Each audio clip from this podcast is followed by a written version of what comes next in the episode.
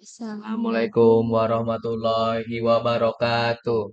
Selamat datang di FKP Talk, berbakti dengan jasa dan karya.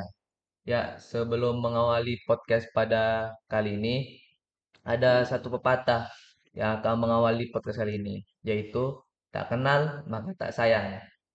Ya, eh, untuk ya penonton biar lebih kenal dan bisa lebih sayang dengan kami. Mungkin kami sebagai podcaster bisa memperkenalkan diri terlebih dahulu.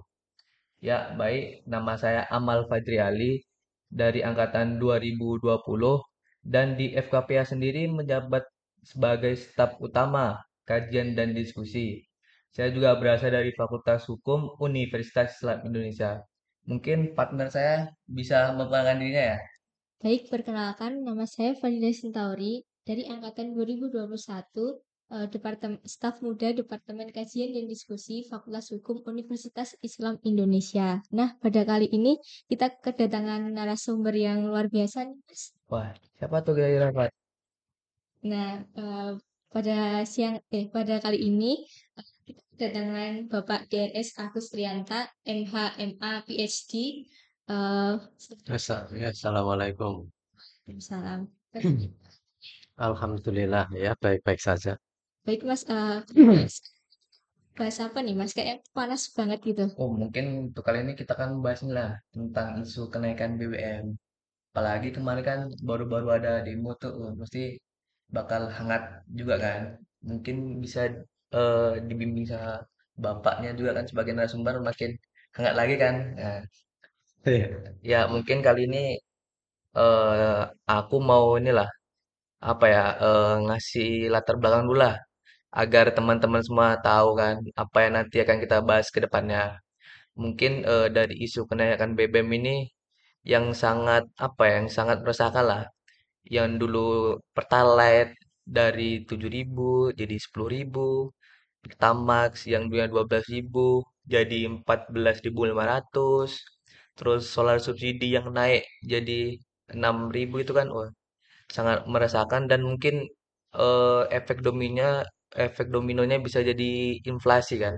Mungkin kalau dari Mbak Fadila sendiri gimana itu? Eh, kalau dari saya mungkin kenaikan BBM ini tuh menimbulkan eh, angka kenaikan kemiskinan di Indonesia dan pengangguran. Nah, data dari BPS menyebutkan per Maret 2022 mengalami kemiskinan tuh mencapai angka 26,16 juta jiwa. Nah, sedangkan pada bulan September 2021 itu cuma 0,34. Artinya pada bulan September hingga Maret tuh mengalami peningkatan yang drastis yang drastis eh, 3,975 persen sehingga terjadi demonstrasi besar-besaran baik itu mahasiswa, buruh, masyarakat dan pelaku usaha. Eh, baik Pak, mungkin eh, kalau eh, dari Bapak ini ya Iya. dari sudut pandang akademisi melihat eh, fenomena kali ini tuh yang melatar belakangi kenaikan harga BBM itu apa ya Pak? Ya, saya memang eh, tidak eh, secara detail dalam arti kalkulasi-kalkulasi itu, tetapi kita mengamati perkembangan bagaimana dari waktu ke waktu sampai kemudian pemerintah ini menaikkan. ya. Eh, kalau dilihat memang selalu saja alasan pemerintah itu karena subsidi terlalu besar. Tetapi saya yang tidak bidangnya statistik atau ekonomi eh, makro seperti itu gitu ya, hanya eh, sebagai orang yang melihat juga dan mengikuti perkembangan, itu memang melihat bahwa ada pro dan kontra dari kalkulasi yang melatar belakangi naiknya BBM itu yang kalau menurut versi pemerintah eh, sekitar 500-an triliun itu ya. Tetapi sebenarnya banyak kajian-kajian yang pada kenyataannya sebenarnya subsidi itu tidak sebesar itu, hanya seke- sampai sekitar separuhnya ya. Sehingga pemerintah ini ada juga eh, apa sesuatu yang dipandang oleh banyak pengamat dan banyak ahli di bidang itu kurang pas atau memang itu suatu ke- kesengajaan kamuflase ya eh, untuk menutupi berbagai hal itu ataukah itu kesalahan. Tapi kalaupun dua-duanya ya itu suatu kesalahan atau untuk menutupi itu sesuatu yang eh, sangat celah untuk sebuah eh, pemerintahan. Jadi menurut saya pemerintah selalu saja pertimbangannya itu adalah subsidi karena dia selalu menyampaikan harga keekonomian, harga dunia dan sebagainya, di mana Indonesia harus memproteksi harga itu agar tetap murah, maka dengan cara subsidi dan subsidi itu sudah menurut, eee, informasinya itu membebani APBM gitu ya. Jadi kalau yang saya tangkap alasannya begitu. Mungkin dari Mas Ahmad atau Eh, bisa mungkin kalau saya sendiri ya Pak, Iya. ada kayak keresahan itu Pak. Eh, kenapa sih Pak tiba-tiba tuh dinaikkan dengan tanpa ada transparansinya terlebih dahulu gitu loh Pak? Iya, itu eh, saya kira momentum ini juga menjadi masalah karena saya kira di mana saja ini masyarakat baru saja lepas dari pandemi, malah bahkan eh, apa PPKM pun belum sepenuhnya dicabut. Hmm, betul betul. Artinya masih ada batasan-batasan bahwa seperti di kampus kita jam malam juga masih seperti itu, masih pada eh, apa posisi PPKM ya sehingga tidak bisa sampai malam sekali. Tetapi dalam kondisi itu pemerintah menurut saya terlalu tergesa-gesa juga. Kalaupun toh benar subsidi itu terlalu besar, tapi menaikkannya itu mestinya satu secara gradual. Ya artinya ini naik yang tinggi sekali loh ini. Iya Pak, Eh, bener Pak. Pertamax itu barusan naik loh kemarin ya. Sebelum sampai eh, apa eh, dua belas Dua ribu belas ribu lima ratus. kan sebelumnya cuma 9.700-an itu Iya bener Pak. eh, itu belum lama baru tiga bulanan atau berapa naik menjadi itu dan sekarang langsung naik lagi. Jadi kalau dihitung dari 9 ribunya berarti naiknya itu sekitar 5.000. Itu kenaikan yang terlalu cepat eh, untuk hitungan itu. eh, kemudian eh, berbagai ini termasuk yang Pertalite juga naik cukup lumayan. Eh, Kemudian juga dalam momentum di mana kita itu masih belum sepenuhnya pulih. Eh, Para pekerja-pekerja di sektor pariwisata itu juga kan belum sepenuhnya pulih Eh, di hotel dan sebagainya. Kemudian ya jasa transportasi lah boleh dikatakan itu belum begitu pulih dan langsung kenaikan seperti ini gitu ya. Jadi artinya menurut saya momentum ini sangat tidak tepat dan itu memunculkan pertanyaan, kenapa pemerintah itu tiba-tiba secepat ini gitu ya? Secepat ini. Apa yang dikejar kira-kira? Atau momentum apa yang dia itu ingin eh, inginkan gitu ya? Sebenarnya orang lantas bertanya-tanya. Ya itu, kalau menurut saya tidak tepat karena dua hal tadi, bahwa besarannya itu terlalu besar, kemudian momentumnya juga tidak pas. Ini, Hmm. oh, Ya, jadi eh, disebutkan eh, ada pro dan kontra tadi. iya. Nah itu pro-nya apa, itu Kalau pro dan kontra itu dari para pengamat ya, artinya pemerintah versus pengamat. Karena pemerintah selalu mengatakan subsidi 500-an triliun. Tetapi para pengamat itu bisa melakukan penghitungan yang itu hanya sekitar separuhnya. Sehingga Para pengamat ya, ini mencurigai pemerintah juga menyembunyikan agenda-agenda itu di luar subsidi, mungkin itu beban hutang BUMN atau mungkin beban hutang ke Pertamina dan sebagainya untuk diikutkan. Itu versi pengamat. Saya tidak tahu karena memang tidak mencermati hitungan-hitungan itu, tetapi eh, setidaknya ya, eh, karena kalau yang diangkatkan selalu itu harga e- keekonomian, kemudian harga dunia. Ya, kalau memang mau seperti negara-negara, kan kita tahu dari statistik itu banyak sekali dimunculkan bahwa seperti Malaysia saja itu eh, untuk sekelas pertama kalau di hmm. sini ya, itu hanya sekitar 6.000. Jadi dia terendah di Asia Tenggara. Mungkin alasannya banyak orang, ya Malaysia penduduknya kecil, ya. Tapi kan APBN-nya juga kecil mereka. Kita penduduk besar dan APBN juga besar, gitu ya. Artinya eh, besar dan kecil itu tentunya diikuti oleh size dari APBN-nya juga di mana-mana. Jadi kalau orang mengatakan negara kami kecil kan juga pendapatan kecil, pekerja kecil dan sebagainya. Jadi eh, sebagaimana eh, apa eh, hitung-hitungan itu maka sebenarnya itu akan mengikuti. Jadi kalau tadi yang saya katakan pro dan kontra itu dengan para pengamat tadi. Oke, eh, mungkin ini sih Pak. Eh, kan tadi kan kita tuh udah naik, bahkan naiknya kan besar banget gitu kan Pak. Iya, Nah, jumlah penduduk kita juga banyak, APBN kita juga banyak kan tentunya kan iya, Pak. Nah, itu eh, masih ada nggak sih Pak eh, nilai keadilan saat kenaikan BBM sekarang ini Pak? Kan banyak kan konspirasi yang eh, apa namanya yang keluar dari media sosial kan, wah pemerintah ini nggak adil atau gini gini gini gitu. Pak. Iya, eh, sebenarnya begini ya. Eh, memang BLT itu ya, tapi BLT itu kan hanya sebagian orang. Dan jumlah yang digelontorkan untuk BLT itu kecil sekali dibandingkan Hmm, resiko yang harus ditanggung oleh masyarakat. Jadi ya tentu kita itu sepakat sebagai orang yang berpikir, apalagi dalam dunia akademis bahwa subsidi berlebihan itu membebani negara. Tetapi kan ada untuk menaikkan, menyesuaikan harga internasional itu juga disesuaikan dengan pendapatan kita juga. Apakah pendapatan orang Indonesia itu sudah tertinggi di Asia Negara, Asia Tenggara misalnya kok harganya eh, selalu ingin ikut harga harga dunia. Tapi kalau dengan hmm, pendapatan penduduk yang masih rendah, rakyat itu akan terseok-seok eh, untuk mengikuti harga dunia. Kayak Amerika, that's fine kata orang ya, iya, karena memang pendapatan mereka itu tinggi juga membeli Pak. itu sudah cukup Nah, dengan harga belasan ribu gitu ya. Itu memang cukup dengan pendapatan seperti itu, sehingga memang eh, pemerintah perlu memikirkan itu bahwa memang efek dari ini sangat besar dan terutama itu masyarakat yang belum sepenuhnya pulih hmm, dari pandemi ini. Coba kita lihat sektor-sektor yang memang eh, lumpuh total karena pandemi ya kan betul banyak. Pak.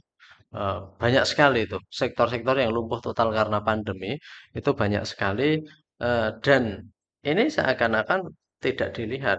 Memang oke lah kalau itu orang-orang yang bergaji rutin kan, para PNS, para ASN misalnya ya, Ya pandemi tapi it doesn't mean at all untuk apa em, menjadikan hidup mereka lebih sedih itu nggak banyak faktornya.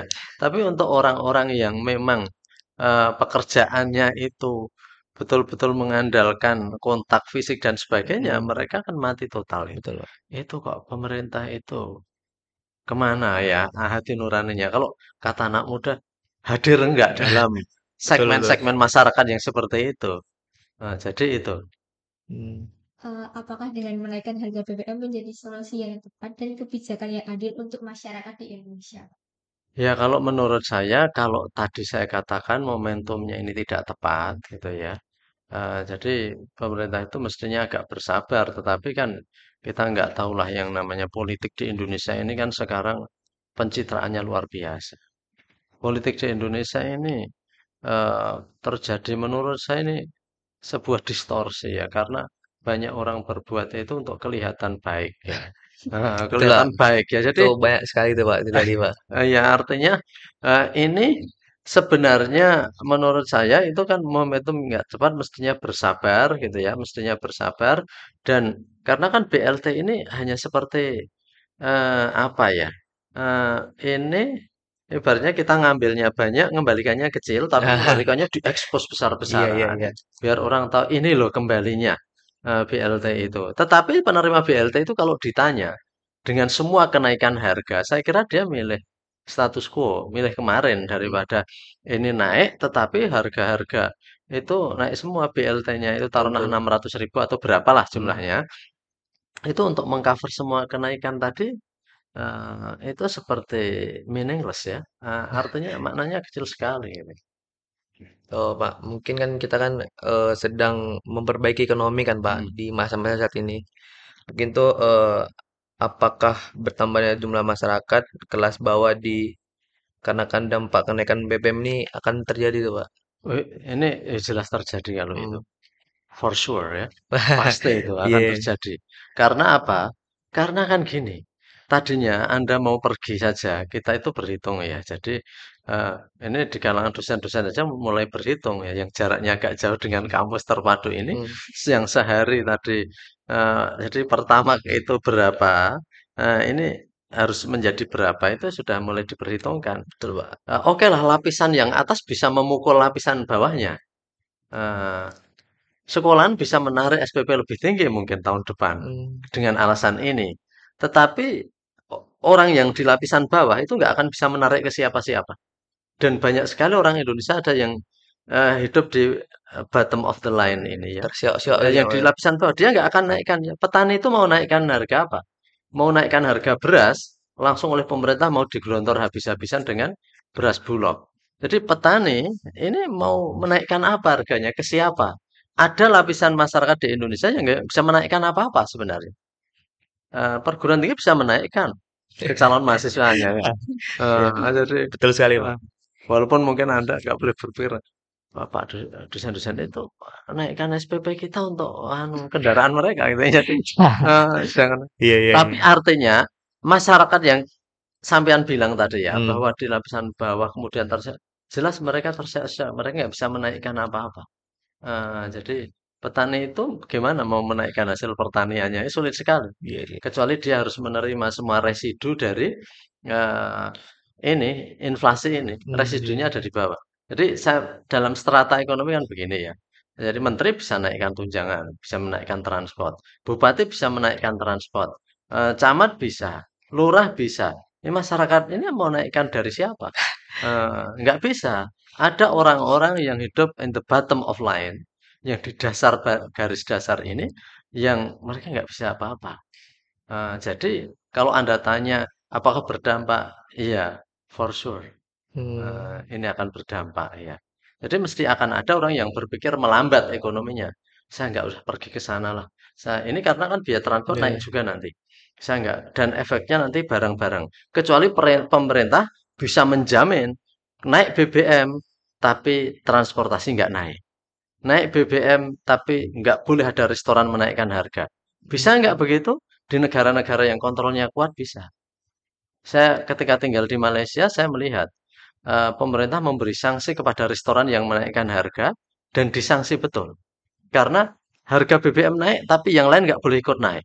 Hmm, cuman bahan bakar aja naik. Iya, yang naik bahan bakar. Sehingga harus dipikul para eh, orang-orang pelaku-pelaku itu sendiri. Oh iya. Nggak boleh dia langsung menaikkan harga restoran di Betul. makanan. Eh, tapi Indonesia kan sulit sekali mengontrol seperti itu dengan luas wilayah yang seperti ini. Jika kalau itu naik, maka eh, tadi Anda bilang dampak inflasinya itu eh, akan segera Melonjak terjadi. ya. Ya, eh, mungkin sih Pak, eh gimana ya? Kalau saya sendiri ya Pak ya udah dapat menyimpulkan lah Pak. Hmm. Kalau kenaikan kali ini itu kan mungkin ya kurang lebih sangat-sangat ber- berdampak kan, kan? Hmm. Apalagi ke masyarakat pertanian dengan kaum agrari dengan Pak. Itu sangat berdampak. Ya, jadi gimana nih? Kalau Kita kali ini tidak sabaran ya. Tuh. Menurut saya ter- terlalu tergesa-gesa.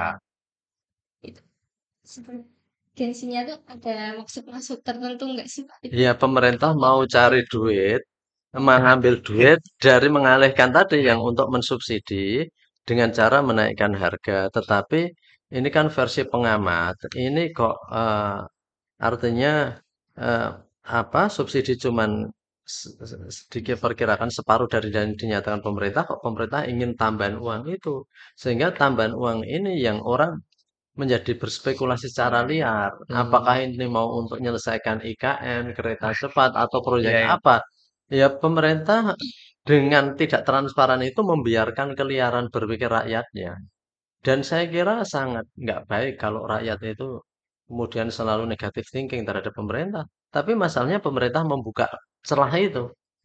Eh, kan nggak bagus. Eh, kita bersuudzon terus kepada pemimpin. Betul Pak. Tetapi karena pemimpin memberi ruang-ruang di mana spekulasi itu muncul dengan kalkulasi-kalkulasi yang seperti itu caranya, itu pemerintah telah membiarkan eh, muncul spekulasi secara liar bahwa ini untuk apa uangnya gitu ya. Ya walaupun mungkin kalau dikatakan ya Iya, kembali untuk guys. rakyat ya kembali. Tapi kan rakyat itu bisa memilih yang kembalikan ke kami dalam bentuk apa dan sebagainya itu bisa mulai. Jadi itu spekulasi liarnya itu kan orang kemudian mengatakan nah ini pemerintah mesti punya agenda ini. Jadi punya agenda untuk mengambil eh, sekian triliun, sekian puluh atau ratus triliun untuk berbagai hal yang eh, itu menurut pemerintah penting untuk mengamankan mereka. gitu. Ya, oke mungkin eh daripada kita suuzon terus kepada Iya, pemerintah Pak. iya, iya. Langsung kita tanyakan ini apa?